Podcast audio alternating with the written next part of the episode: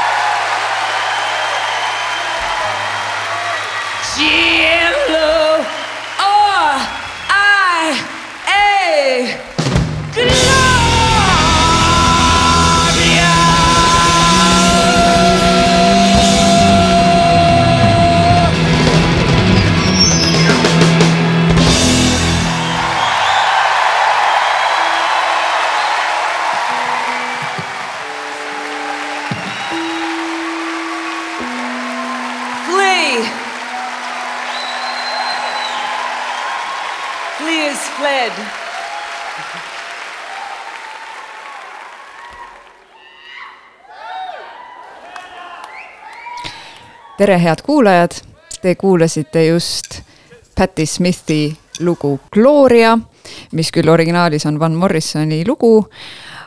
ja sellega ma juhatangi sisse noorekirjanduse ajakirja Värske Rõhk raadiosaate Rõhk. mina olen Teele Pärn. ma tavaliselt töötan Eesti Draamateatris, aga oma ülikooliõpingute käigus olin ma sellel suvel praktikal Värske Rõhu ajakirjas ja selle praktika raames kirjutasin ka Värske Rõhu novembrinumbrisse ühe arvustuse laadse kirjatüki ja see ongi ainus põhjus, miks ma siin täna olen. aga õnneks ei ole ma siin üksi, minuga on siin Henri Otsing, tere! tere! ja Ella Schultz, tere! tere! Ja ma ei tea, mina olen nüüd endast juba päris palju rääkinud, ma loodan, et edaspidi te natukene räägite ka endast. ja ma loodan, et sellest kujuneb selline vabas vormis vestlus, nii et kui teil tekib küsimusi üksteisele või minule, siis olge julged ja tundke ennast vabalt, et neid ka küsida. aga ma alustaksingi võib-olla sellest, tähendab, ma alustangi sellest, et ma küsin teilt et te natukene räägiksite, kes te olete ja mida te selles novembri numbris tegite? hea küll, ma alustan siis. mina olen Henri Otsing, nagu juba sai öeldud ja mina olen igapäevaselt doktorant Tartu Ülikoolis mõtteloo õppetooli all filosoofia osakonnas. ja sellesse numbrisse kirjutasin ma koos oma nüüdse kaasdoktorandiga Ove Averiniga tõlkepäeviku sellest, kuidas me siin aasta alguse pool tõlkisime sellist huvitavat autorit nagu Aquino Toomast eesti keelde. loodame, et pakub huvi, aga ega seda kunagi ei tea ja mina siis katsun täna Ove eest ka rääkida natukene, aga tema on meist kahest nutikam, nii et kahjuks mul ei ole endale kõrgeid lootusi no väga tore ja Ella, sina? ning mina olen Ella, samuti tuntud kui EGS. ma olen põline tartlane, kes elab praegu Valgas ja õpib tissleriks ja vabal ajal ma luuletan, aga seekord kirjutasin arvustuse mm. -hmm. oh õudust. ja mis raamatust sa arvustuse kirjutasid? Karoliina Pihelga Vaadates ööd väga tore, ma arvan, et nendest mõlemast tekstidest äh, me õige pea räägime, aga ma võib-olla alustuseks tahaksin teada, et äh, mida te üldse sellest novembri numbrist äh, arvate, et kas teil jäi näiteks mõni tekst kuidagi meelde, kas teil jäi midagi kripeldama, mm, kas teie jaoks tuli sellest numbrist kuidagi või tõusis esile selline üks üks läbiv teema või üks läbiv küsimus mm.? ütlen nii palju, et mulle väga meeldis, kümme kümnest, no, no notes, aga väga meeldis mulle Jaanika Läänemetsa luuletused, tema tekstidest ma ei oska seda seletada, miski väga samastub mulle minu enda eluga mm. -hmm no mina pean samamoodi ütlema, et kuna kirjandus on minu jaoks selline mm, ütleme, vaba aja tegevus, siis ma katsun ikka kõiki, kõiki värskeid rõhke lugeda ja ma olen üks nendest vanamoodsatest inimestest, kellel on lausa tellimus pabereksemplaridele ja, ja nagu iga kuu ma ikka leian alati midagi, mis mind absoluutselt ei puuduta ja saab kohe vahele jätta. aga ka midagi, mis noh, üllatab ja kõige paremas mõttes ähm, kuidagi paneb teistmoodi tundma ja vahel ka teistmoodi mõtlema ähm,. ja, ja siin kogus oli või selles siin numbris oli neid, neid hetki nagu päris mitu. minu lemmikud äh,, minu lemmikud isiklikud on õnneks siin stuudios ja ma arvan, et selle juurde saame kohe tulla no väga tore, sellepärast me siin olemegi.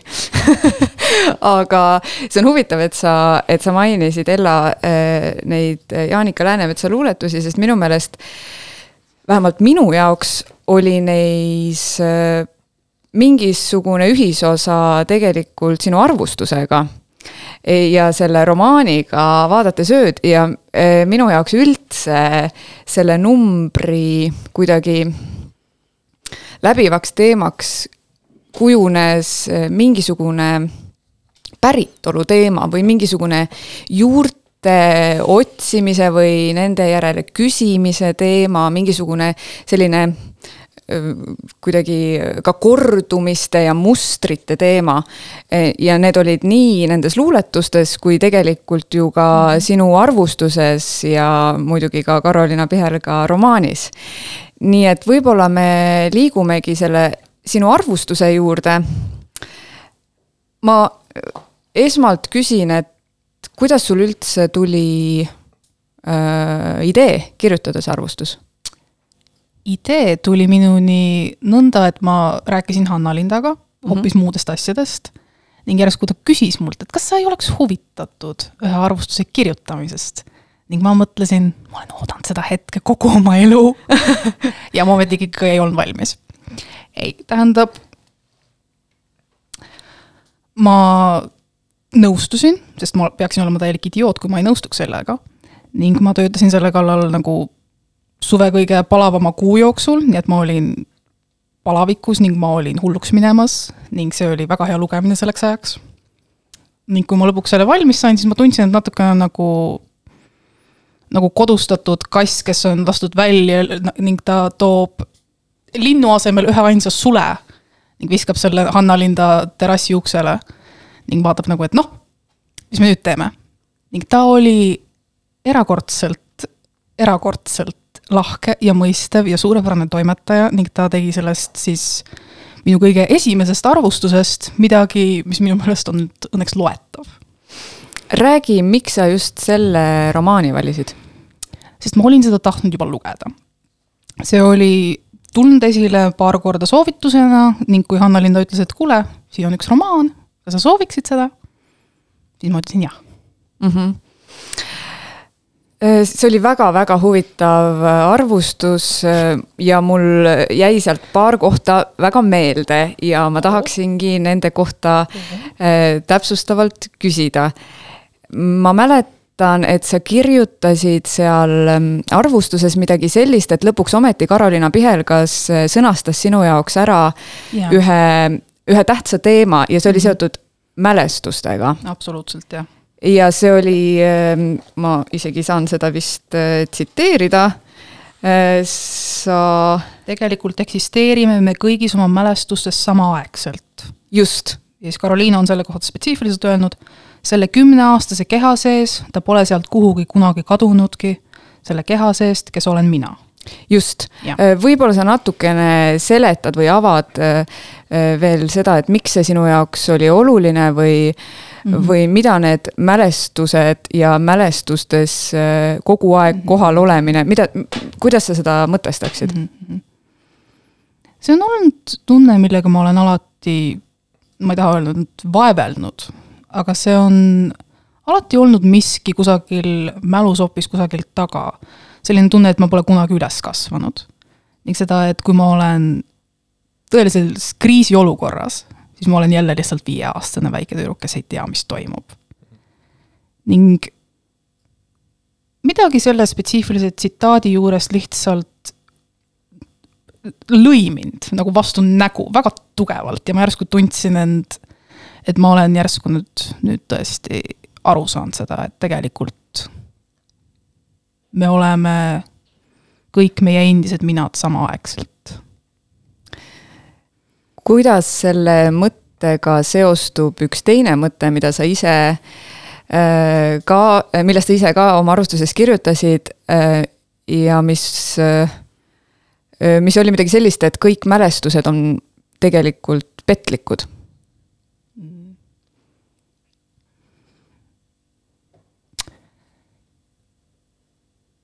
ma ei ole ise ka kindel täielikult, mida ma selle all silmas pean, ausalt öeldes ma arvan, et ma mäletan asju ning ma arvan, et me kõik arvame, et me mäletame, mis meiega juhtunud on.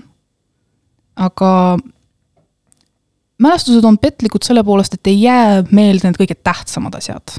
jäävad meelde need väiksed asjad. ning jäävad meelde ennekõike emotsioonid, mis on kõige petlikumad asjad, mis meil on inimestena. Jah, ja ometi nad siis teevad meist mõnes mõttes selle, selle, kes me kes oleme. me oleme jah mm. -hmm. tohib, ma pakun siia ühe kolmanda mõtte veel välja, mis mulle kuidagi silma jäi Muidugi. seda lugedes. ma tulen ringiga selle, selle tähelepaneku juurde. kõigepealt se- seda, et, et, et see, see romaan, mida sa siin, mida sa siin arvustad, vaadates ööd. ma olin seda ka lugenud varem suure innu ja huviga. see on ju Karolina Pihelgal debüütromaan, eks ole, ta on mm -hmm. palju kirjutanud äh, luulet, palju tõlkinud varem. ja, ja, ja võrratult ja see romaan on ka võrratu, selles mõttes ma nagu ähm, sellest saan aru, aga et, et noh, nagu ikka vahepeal juhtub, siis, siis äh, mõndade heade asjadega ei saa nagu kontakti. Noh, ma ei tea, kas, kas see nüüd mingisugune noh, milles see probleem siin minu jaoks oli, mul kuidagi nagu noh ei õnnestunud hästi seda, seda kontakti saada selle romaaniga, vähemalt mingites lõikudes ähm,. aga, aga sinu arvustust lugedes sul õnnestus vähemalt minuga teha midagi, mida mulle tundub, et üks hea arvustus võikski teha, et noh, et sa panid natuke seda mm, teost äh, ümber pöörama, noh, mõttes ja, ja natukene ümber hindama ja sa üritasid teda avada mingisugusest küljest, mida ma ei olnud ise nagu seal varem märganud. üks väike nagu äh, killuke äh, sellest, mis minu jaoks oli silmi avav, oli see sinu mõte, ma loen selle ette mm. -hmm. õhk nende ümber on pinev, aga nad on meisterlikud selle ignoreerimises. Ema on võtnud vaikuse enda omaks, end selle sisse mähkinud, et mitte rohkem haiget saada ja nii edasi lihtsalt selline sõna, sõnapaar, mida ma noh, tähendab, see on, näitab minu arust sihukest tohutut küpsust ja, ja, ja ka sihukest head mõju ilmselt. et, et meisterlikkus mil-, mingisuguste teemade ignoreerimisel, ma ei ole kunagi selle peale mõelnud, et see sõnapaar kuidagi nagu käivitas mind äh, totaalselt. et, et ma olen alati mõelnud sellisest ignoreerimisest kui sihukesest patoloogilisest mingisugusest sihukesest nagu noh sundmustrist või mingisugusest sihukesest nagu õnnetust. Noh, august, kuhu kukutakse niimoodi mitmekesi, aga et selles võib olla mingi meisterlikkus. mingisugune noh, nagu sihuke tõesti sportlik selline nagu noh, püüe ja saavutus on ju. mis on nagu ühtpidi nagu noh, selles on mingi oma ilu, aga teistpidi see on muidugi noh, täiesti kohutav, eks ole. täiesti kohutav see, et, et noh, nagu sa ütlesid, mõte number üks me oleme alati kuidagi oma mälestustega koos.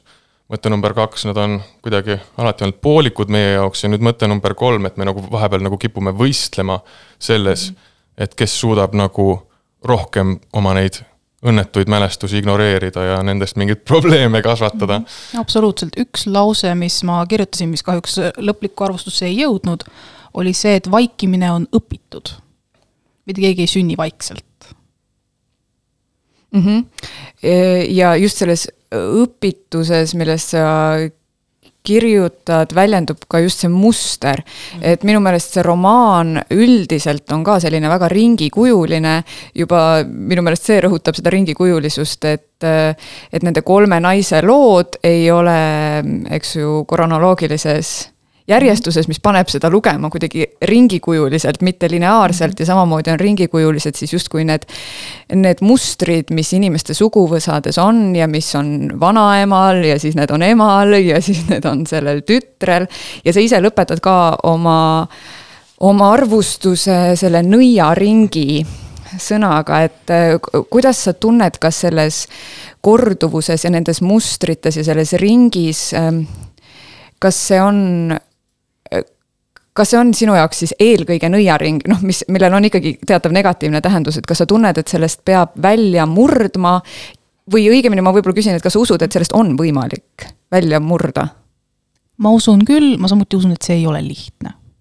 et see on võimalik, et kõige raskem asi, mida inimene saab enda elus üldse korda saata mm. -hmm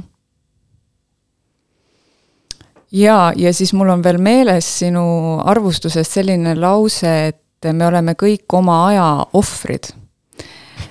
ja, ja tõesti, see romaan ju räägibki kolmest erinevast ajahetkest. ma võib-olla tahaksin küsida natuke selle romaani ja natuke selle arvustuse välise küsimuse, et kuidas, kuidas te tunnete, et millise aja ohvrid teie olete? Või mida te peate justkui siis sellele praegusele ajale, te tunnete, mida te peate sellele ohvriks tooma? praegusele mis, mis on, mis on jah, see meie aja meie aja ohvriand nii-öelda. noh, sest me selle lause järgi oleme ka ju meie oma, oma aja ohvrid. kas te, muidugi seda on raske niimoodi ilma distantsita analüüsida, alati on kergem seda teha tagantjärele, aga aga ma mõtlesin, et ma ikkagi küsin. Minul küll tuleb nii, lii-, minul ei tule mitte liiga vähe, vaid liiga palju asju pähe, aga siis see on jälle teistpidi probleem. mul esimese asjana tuli pähe näiteks äh, keele küsimus. et äh, noh, ega mina ka nüüd mingi tohutu äh, eestikeelsuse puritaan ei ole, et keeled ikka muutuvad ja välismõjude tõttu väga tihti. aga et noh, et ikkagi olla nagu enam-vähem ülemaailmsest põlvkonna, osa, osa ülemaailmsest põlvkonnast, kes kõik on inglisekeelsed. noh, vähemasti kakskeelsed, üks neist siis inglise keel. ja Eestis ka muidugi, eks ole. Ehm, see on minu esimene panus et. no mina ütleksin, et ma ei tea, kuidas teiega on, aga mul on väga kõrini sellest, et ma pean korduvalt läbi elama väga ajaloolisi sündmusi ning olema teadlik kõikidest as-, kohutavatest asjadest, mis kõikides maailma nurkades toimuvad. ning tundma end väga lootusetult, sest ma ei saa mitte midagi teha selle jaoks. ning lohutust pean ma leidma üksnes selles, et vähemalt ma ise üritan olla hea inimene ja ma ise üritan võidelda selle vastu, mis, mis on minu elus aktuaalne. ja mille, mille üle mul on mingisugust võimu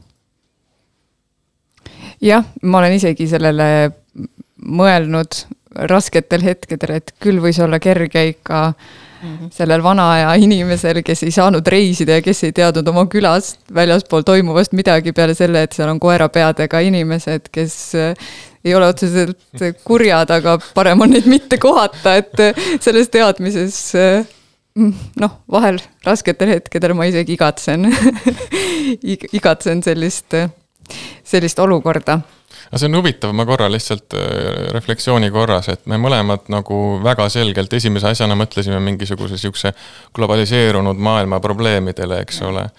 et äh, noh, eks, eks see, siit saaks edasi minna kuskile, ma tea, ma ei tea täpselt kuhu, aga, aga kuhugi ikka. muidugi teisest küljest mõelda selle noh, kolkluse peale, mis, mis äh, minu väga varases nooruses, üheksakümnendatel ja, ja varasel kahe tuhandendatel äh, toimus, no selle peale võiks ka siin rubriigis mõelda, ma arvan, aga, aga võib-olla keskendume positiivsematele asjadele üritame. ja, ja keskendume positiivsematele asjadele, näiteks sellele, et te olete raskest ajast hoolimata siin ja kirjutate ja leiate endas seda julgust ja ja tahet kirjutada, ma, ma tahaksin veel küsida võib-olla äh, selle arvustamise kui sellise kohta, et kui lihtne see Ella sinu jaoks oli või kas sul kujunes välja mingisugune oma meetod, et mm, -hmm. et sa kuidagi lugesid, kas sa hakkasid seda romaani juba lugema, teades, et sa seda arvustad, kuidas see mõjutas sinu lugemist? et jah, kas sul kujunes välja selline mingisugune meetod? No meetodiks seda kutsuda on väga, väga helde, ma ütleksin. ma jah, niipea kui ma hakkasin seda lugema, ma juba teadsin, et ma kirjutan sellest arvustuse ning ma kardan mingil määral, et see võis natukene olla veidi vale viis, kuidas sellega alustada, aga noh, seda ei saa enam muuta. aga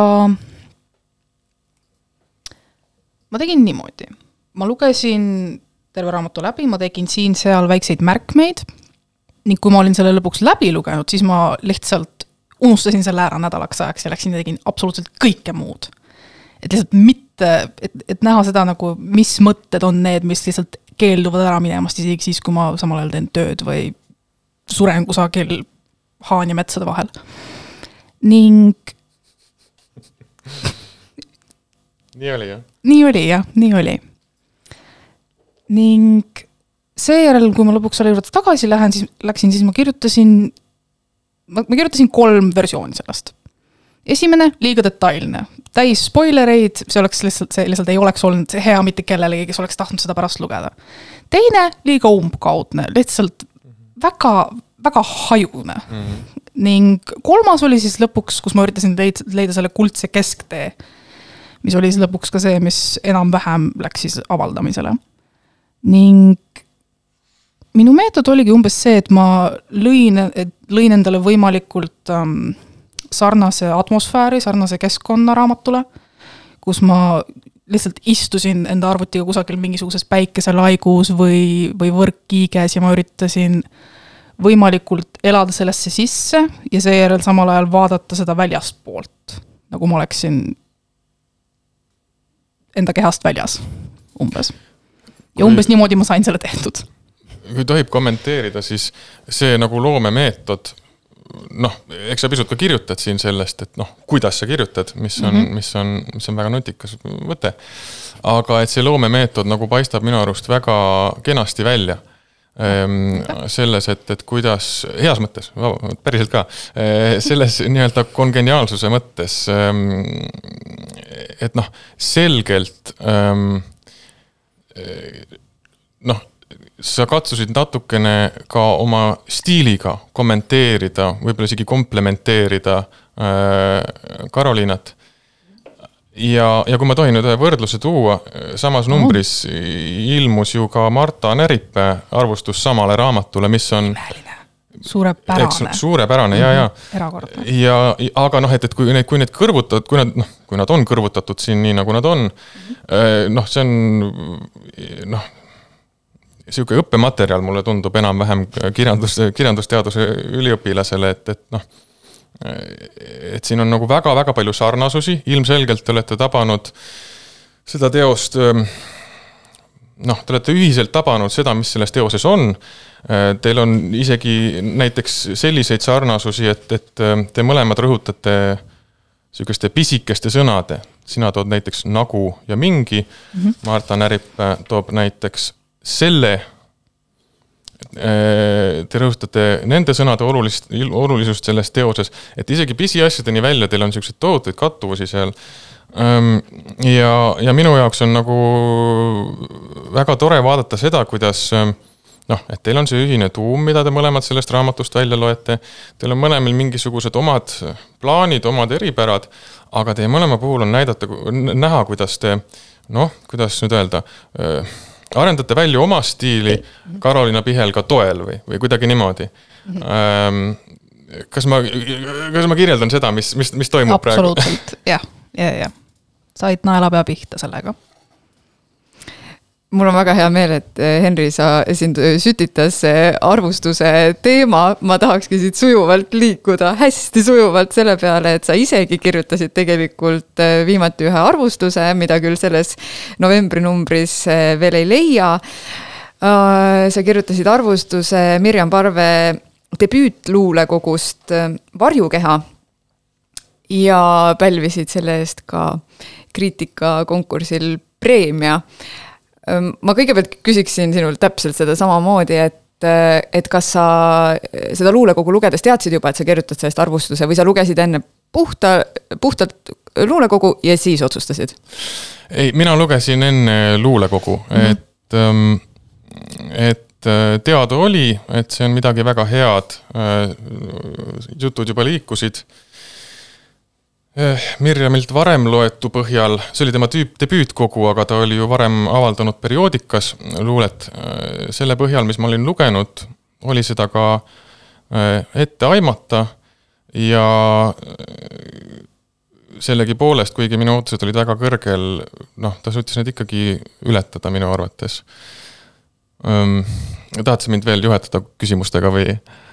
Äh, ma arvan, et sa ei vaja seda, aga ma teen seda siiski, sellepärast et mul on üks kiuslik küsimus või mitte kiuslik, aga äh, ma annan sulle kaks varianti, aga võib-olla õige vastus on hoopis kolmas. et äh, kas sa hakkasid arvustust kirjutama, sest sa tajusid selles kogus mingit küsimust, mida sa siis oma arvustusega kuidagi enda jaoks lahendasid või siis lahti seletasid või sa tajusid, et see luulekogu on vastus millelegi ja sa nii-öelda kirjutasid selle vastuse äh, lahti? või oli see hoopis mingisugune kolmas põhjus, miks sa otsustasid pärast luulekogu lugemist, et sellest kirjutad sa arvustuse? jaa, oota. mingisugune vastus see luulekogu kindlasti on ja nagu ikka, need asjad luules kipuvad olema, see vastus võib-olla seisnebki küsimuses rohkem, eks ole, või mingisuguses täpsemas või, või loovamas küsimuse asetuses. et nii palju oskan ma, ma sinu välja pakutud mm -hmm. terminites kommenteerida. aga, aga minu põhjus, miks ma selle luule kogu arvustuse kirjutasin, on suhteliselt proosaline. selles mõttes, et esiteks olid mõtted kogunenud, mis pidid välja pääsema. Äh, ma ei, ilmselt ei oleks selleni jõudnud, kui ähm, värske Rõhu kriitikakonkurss ei oleks välja pakkunud mingit tähtaega. Äh, siis noh, ma nagu kasutasin seda nii-öelda ettekäändena. aga no kõige rohkem on see ikkagi lihtsalt omaaž Mirjami tööle. et ähm, noh, kuidas ma nüüd ütlen, see on vähim, mis ma saan teha sa ütled väga, väga palju väga huvitavaid asju selles arvustuses, mulle väga meeldis, kuidas sa ütlesid, et kogu on sihilik, aga mitte planeeritud. minu meelest sa võtad sellega või nii-öelda tood lauale sellise suure-suure küsimuse, et kuivõrd kunst peaks olema konstrueeritud või, või sellele huvitaval kombel siis äh, vastukaaluks komponeeritud, kuivõrd ta on nii-öelda, kuivõrd temas peab olema ruumi ja vabadust äh, või siis peab ta väljendama mingit äh, selget mõtet ja siis muidugi tekib küsimus, et kelle mõte see tegelikult on, mida ta väljendab, kas see tekst suunab siis lugejat jõudma mingi selge tähenduseni või saab seda omistada autorile, sest sa ise mainid ka seal arvustuses, et et sa lähed oma mõtetega kohati varjukeha hoiakust äh, lahku või sa kuidagi kaugened, et sinu arutluskäik juba ähm, tõstab oma jalad nii-öelda selle teksti pinnalt üles, aga selleks raamatud ongi sa ütled, aga vahest selleks raamatud ongi, selles mõttes sa jätad sinna kerge sellise taganemistee ka. et äh, minul lihtsalt äh, teades, et sa kirjutasid ju ka tõlkepäeviku, äh, tekitas äh, seoseid ka tõlkimisega, et, et mõnes mõttes, kuivõrd on üldse võimalik mitte kaugeneda nii-öelda sellest tekstist oma, oma arvustusega, et ühelt poolt on just nagu sa enne Ellalegi ütlesid, väga, väga ilus, kui mõnd raamatut lugedes sinu oma stiil hakkab sarnanema automaatselt või kuidagi intuitiivselt selle autori stiiliga. või et arvustus kuidagi kujuneb mõnes mõttes äh, samas stiilis kui äh, romaan ise, aga samas on teine võimalus ka see, et sinu oma mõtted, mis tegelikult selgelt, selgelt lähtuvad ühest kindlast tekstist saavutavad mingisuguse teatava autonoomsuse ja sama on ju tegelikult äh, tõlkega ka. kindla peale. et, et minu, minu jaoks lihtsalt tekkis seal selline ühisosa äh, ka sinu arutlusega tõlkimisest. aga ma arvan, et enne, kui me selle juurde läheme, siis kuulame järgmise loo, see on samuti Patti Smithi lugu. Äh, Patti Smith on siia saatesse valitud sellepärast, et tema teos pühendumus, kui ma õigesti mäletan. Äh, sellest on samuti novembri numbris arvustus, aga kuulame Patti Smithi viimaselt äh, originaalmuusikaga albumilt lugu Amerigo. We were going to see the world. In this land, we placed baptismal fonts and an infinite number were baptized. And they called us Karabi, which means men of great wisdom. Where are you going?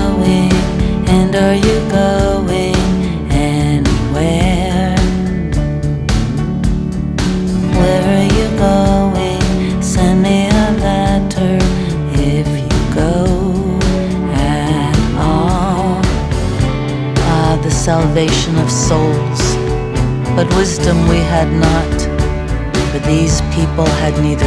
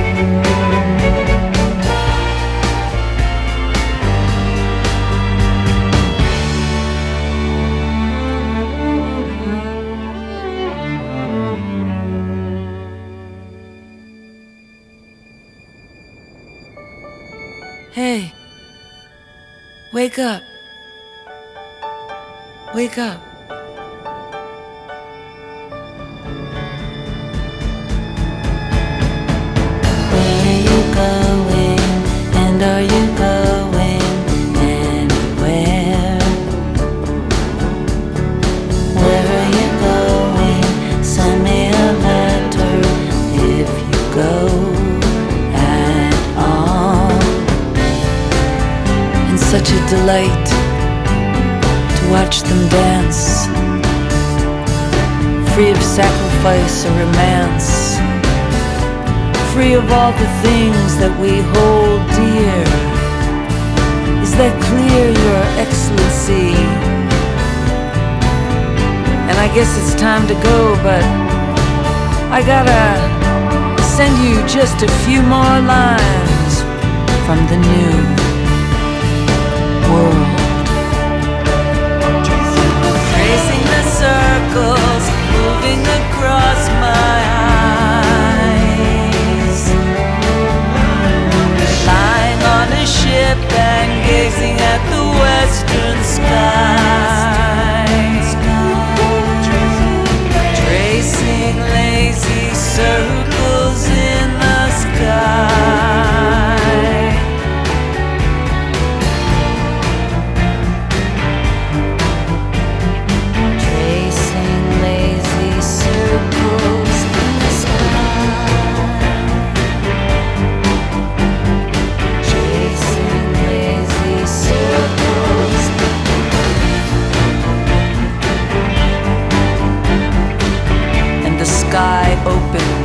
we laid down our armor, and we danced, naked as they, baptized in the rain of the new world.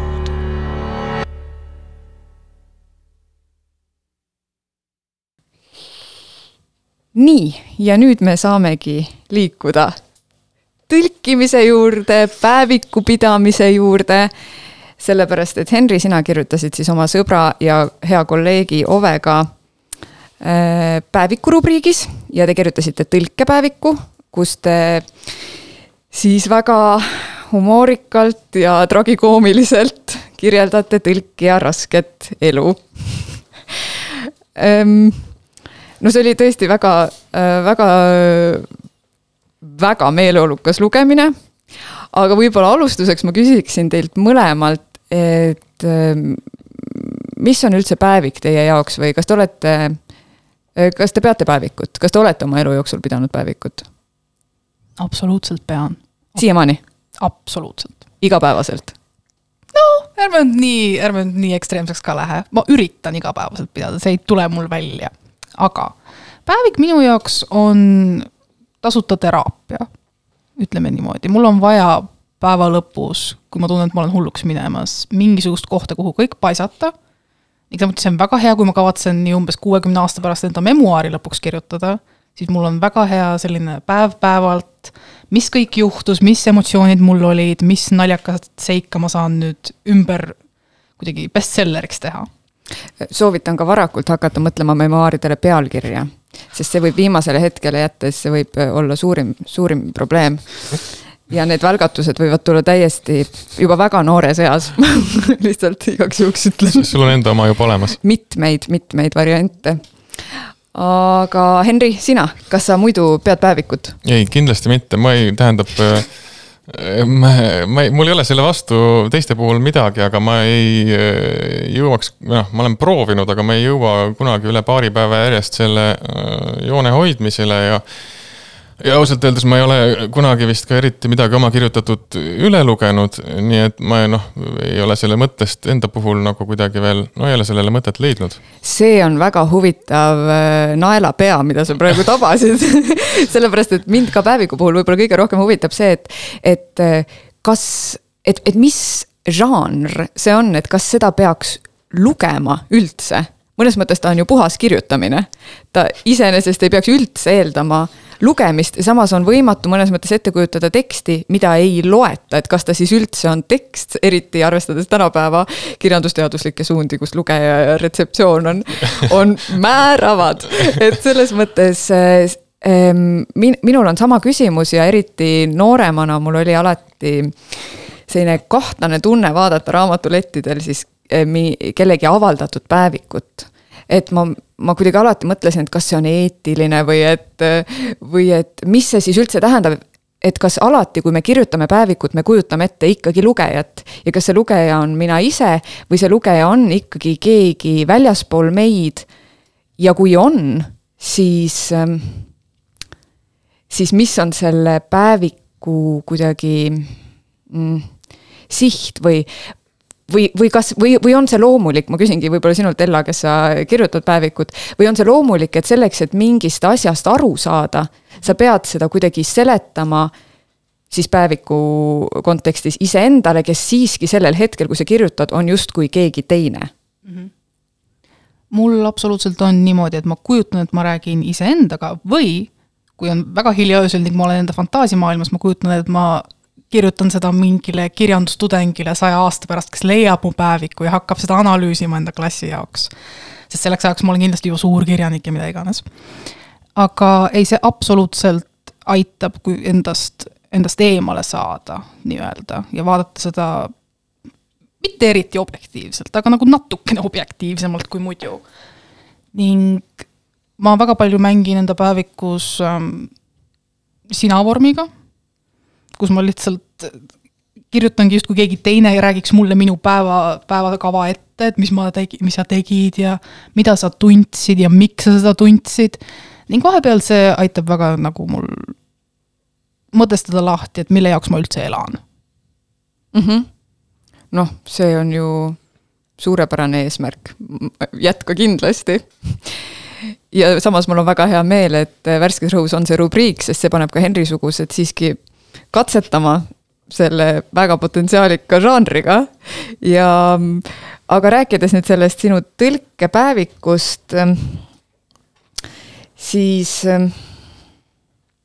kuidas sa üldse seda, tähendab, sa kirjeldadki seal tõlki, oma tõlkimise metoodikat, see on siis, see on siis enam-vähem selline, nagu ma aru sain, et kõigepealt selline sõnasõnaline tasand ja siis sa hakkad neid sõnu vormima selleks mõtteks, mis justkui nende sõnade taga sinu jaoks on, aga mis selles konkreetses, kas sõna järjekorras või sõna valikus päris ei väljendu.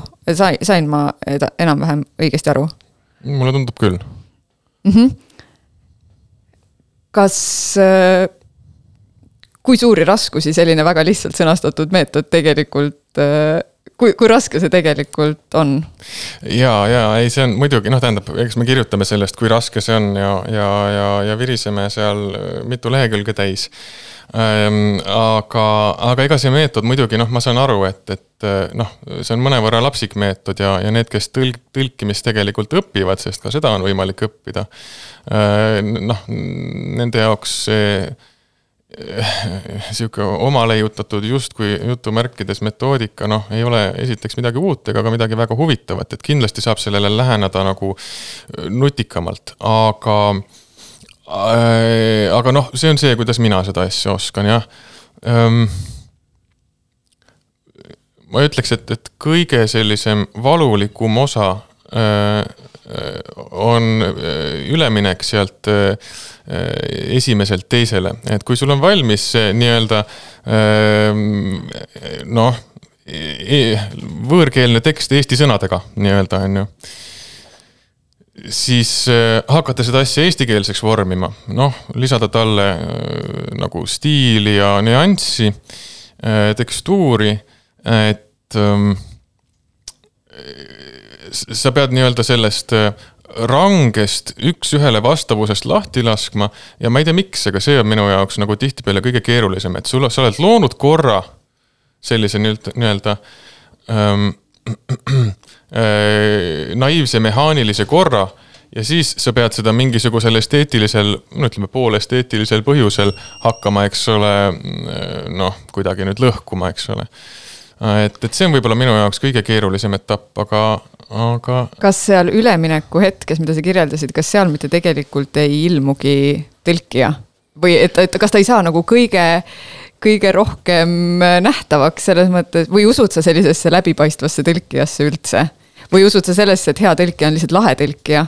et, et ta peab ise olema lihtsalt piisavalt tark, lahe ja arusaaja inimene ka muidugi ja, ja, ja okei okay., no siit saaks väga pikale äh, kõrvalteele minna. no laias laastus äh, muidugi sihukest läbipaistmatut tõlkijat ei ole olemas, et, et noh, et, et isegi sõnaraamatud ei ole ju üks-ühele vastavuses, Google Translate'il on oma käekiri ja nii edasi ähm,. aga noh, et, et sa oled näinud tohutut vaeva, et luua siis mingisugune kujuteldav noh, sihuke matemaatiline süsteem peaaegu noh, kus, kus kõik on kuidagi vastavuses ja sa ikka veel usud võib-olla ka, et, et see nii päriselt ongi ja kuskil on mingisugune noh harmooniline kord, aga et, et äh, ilmselge on see, et, et et vähemalt enamjuhtudel see nii ei ole äh, tõlkimise puhul.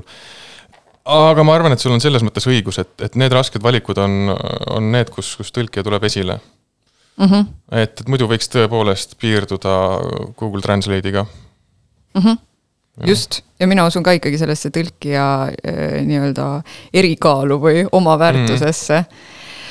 sa ütled oma päeviku kahekümne seitsmenda märtsi sissekandes, et bürokraatia ja teoloogia kõrghetkedel on nagu midagi ühist. Ma natuke palun, et sa seda, seda pisut avaksid? ja no ühesõnaga, see oli üks koht, kus ma enda arust nagu leidsin natukene väikese lahenduse sellele probleemile, mida me just arutasime, et kuidas minna sellest nii-öelda äh, üks-ühele vastavusega tõlkest üle siis millelegi, mis nagu annaks asja mõtet paremini edasi ja, ja, ja just see stiili küsimus, mis nagu Aquino Toomase puhul noh, mõnevõrra keeruline. et see skolastiline stiil, ta ei ole just ähm, ütleme nii, et ta ta ei ole lugejasõbralik, aga ta on nii-öelda arusaaja sõbralik, et noh, et ta on ikkagi üsna sihuke nagu rangelt täpne, kuigi noh, teatud öö, mööndustega. aga see tähendab, et ta on noh, sihuke nagu noh, keeruline, selline nagu öö, tõsiselt anaalne oma täpsustes ja, ja, ja täpsustustes. ja mulle tundus et, et, et üks viis, kuidas seda stiili nagu eesti keeles edasi anda või noh, võib-olla isegi nagu kõige parem viis, kuidas mina nagu seda probleemi lahendasin, oli, oli siis see Euroopa Liidu sihuke kantseliitkeel, äh, selline noh, millel on täpselt needsamad omadused, eks ole. Äh, aga lihtsalt on täiesti teisest kohast pärit ja noh, sealt kuskil see äh, Brüsseli ja, ja, ja Vatikani võrdlus nagu sisse tuli. või noh, Aquino Toomas muidugi töötas Pariisi ülikoolis, aga, aga noh, mõte peaks olema selge. mul on ka küsimus teile mõlemale, et kas te mäletate seda hetke, millal te esimest korda saite aru, et üks raamat on tõlgitud? et te nii-öelda üldse selline asi nagu tõlge jõudis teie teadvusse? ma korra lihtsalt äh, tõstan esile ka oma kaasautorit Ovet, kes äh, pakkus välja meie päevikus sihukese neologismi nagu tülge ehk siis tülgastav tõlge, mis äh, käib väga hästi mõnegi meie saavutuse kohta.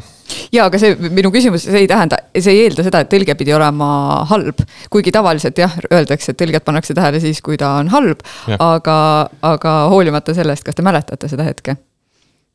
Ähmaselt, ma justkui mäletan, sest ma lugesin noorena nagu lapse, lapse noorena asju, mis võib-olla ei olnud sobivad, mis lihtsalt tähendab seda, et ma lugesin väga palju Agatha Christie't. ning ma olin nagu teises klassis ning võib-olla keegi oleks pidanud valvama mu järele, et ma ei oleks seda teinud, aga noh, väga põnev oli minu jaoks. ning ma mäletan lihtsalt ühte hetke, kus ma vaatasin, et miks on siin raamatul kaks nime. kas nad kirjutasid selle koos ja siis lõpuks keegi, ma ei mäleta enam, kes, seletas mulle, et ei, ei, ei, see on tõlkija.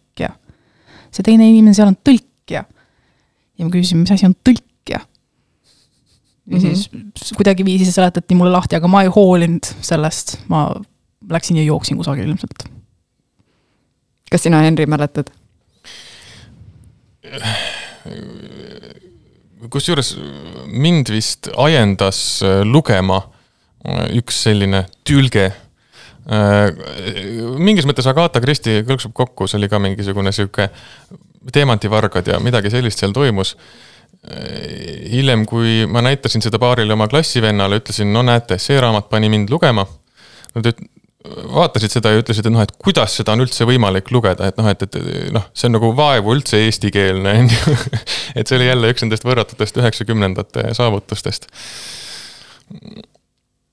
Jah, ma ise lihtsalt äh, mäletan äh, ma nüüd ei anna pead, et see oli nüüd konkreetselt see raamat, mida ma kohe nimetan, mis, mille puhul ma sain aru, et esimest korda elus, et see on tõlge, sest seda ma lugesin ikkagi võrdlemisi hilja. nii et ma pidin olema ikka päris loll, kui ma alles siis äh, aru sain, et raamatud on tõlgitud, aga ma mäletan, ma ikkagi väga kaua elasin maailmas, kus ma arvasin, et kõik raamatud on kirjutatud eesti keeles, et ma absoluutselt ei kahelnud selles ja, aga ma mäletan, et võib-olla kõige tugevamalt esimest korda ma mõtlesin tõlke peale, kui ma lugesin Salingeri Kuristik rukkis, mille tõlge on muidugi ka Äh, legendaarne.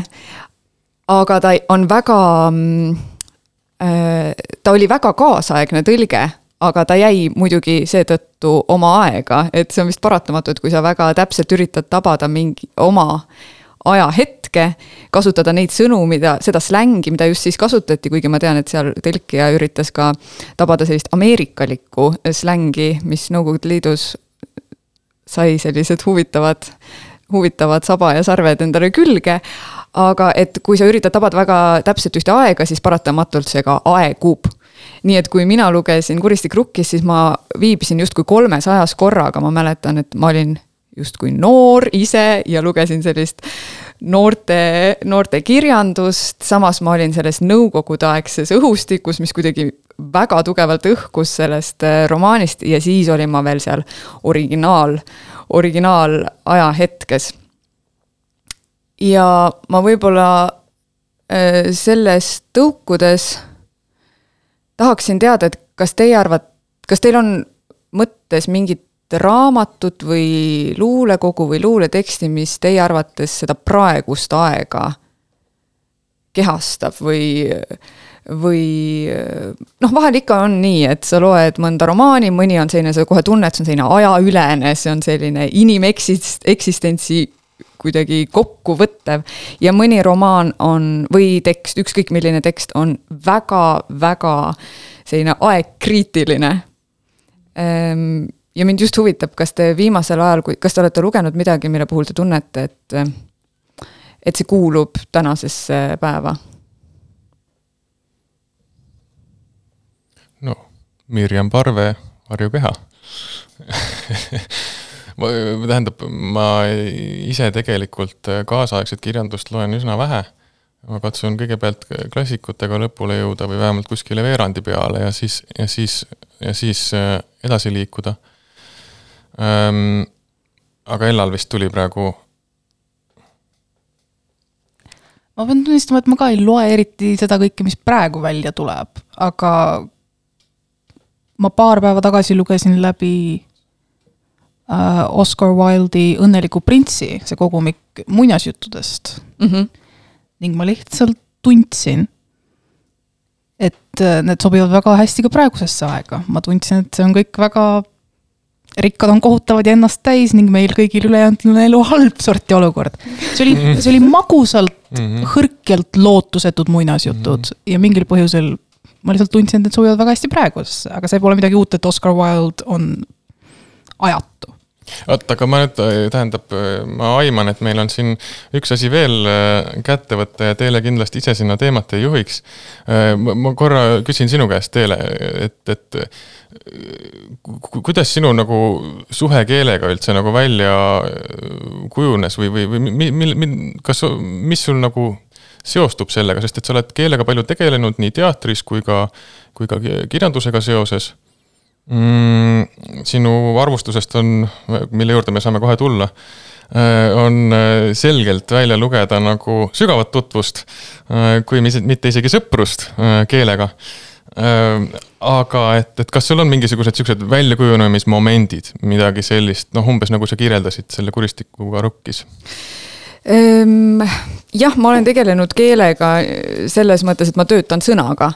Ehm, kui ma läksin bakalaureuse astmes õppima Eesti filoloogiat, kus ma olin siis kaks aastat, siis ma olin alguses väga frustreeritud keeleteaduse eh, loengutest, sest ma arvasin, et ma oskan eesti keelt ja oskan kirjutada ja ma läksin loengutesse, kus räägiti eesti keelt ja ma ei saanud mitte ühestki sõnast aru ja ma olin tõesti nutma puhkemas, see oli nii keeruline, ma olen sellele tagantjärele nii tänulik, et ma seal olin.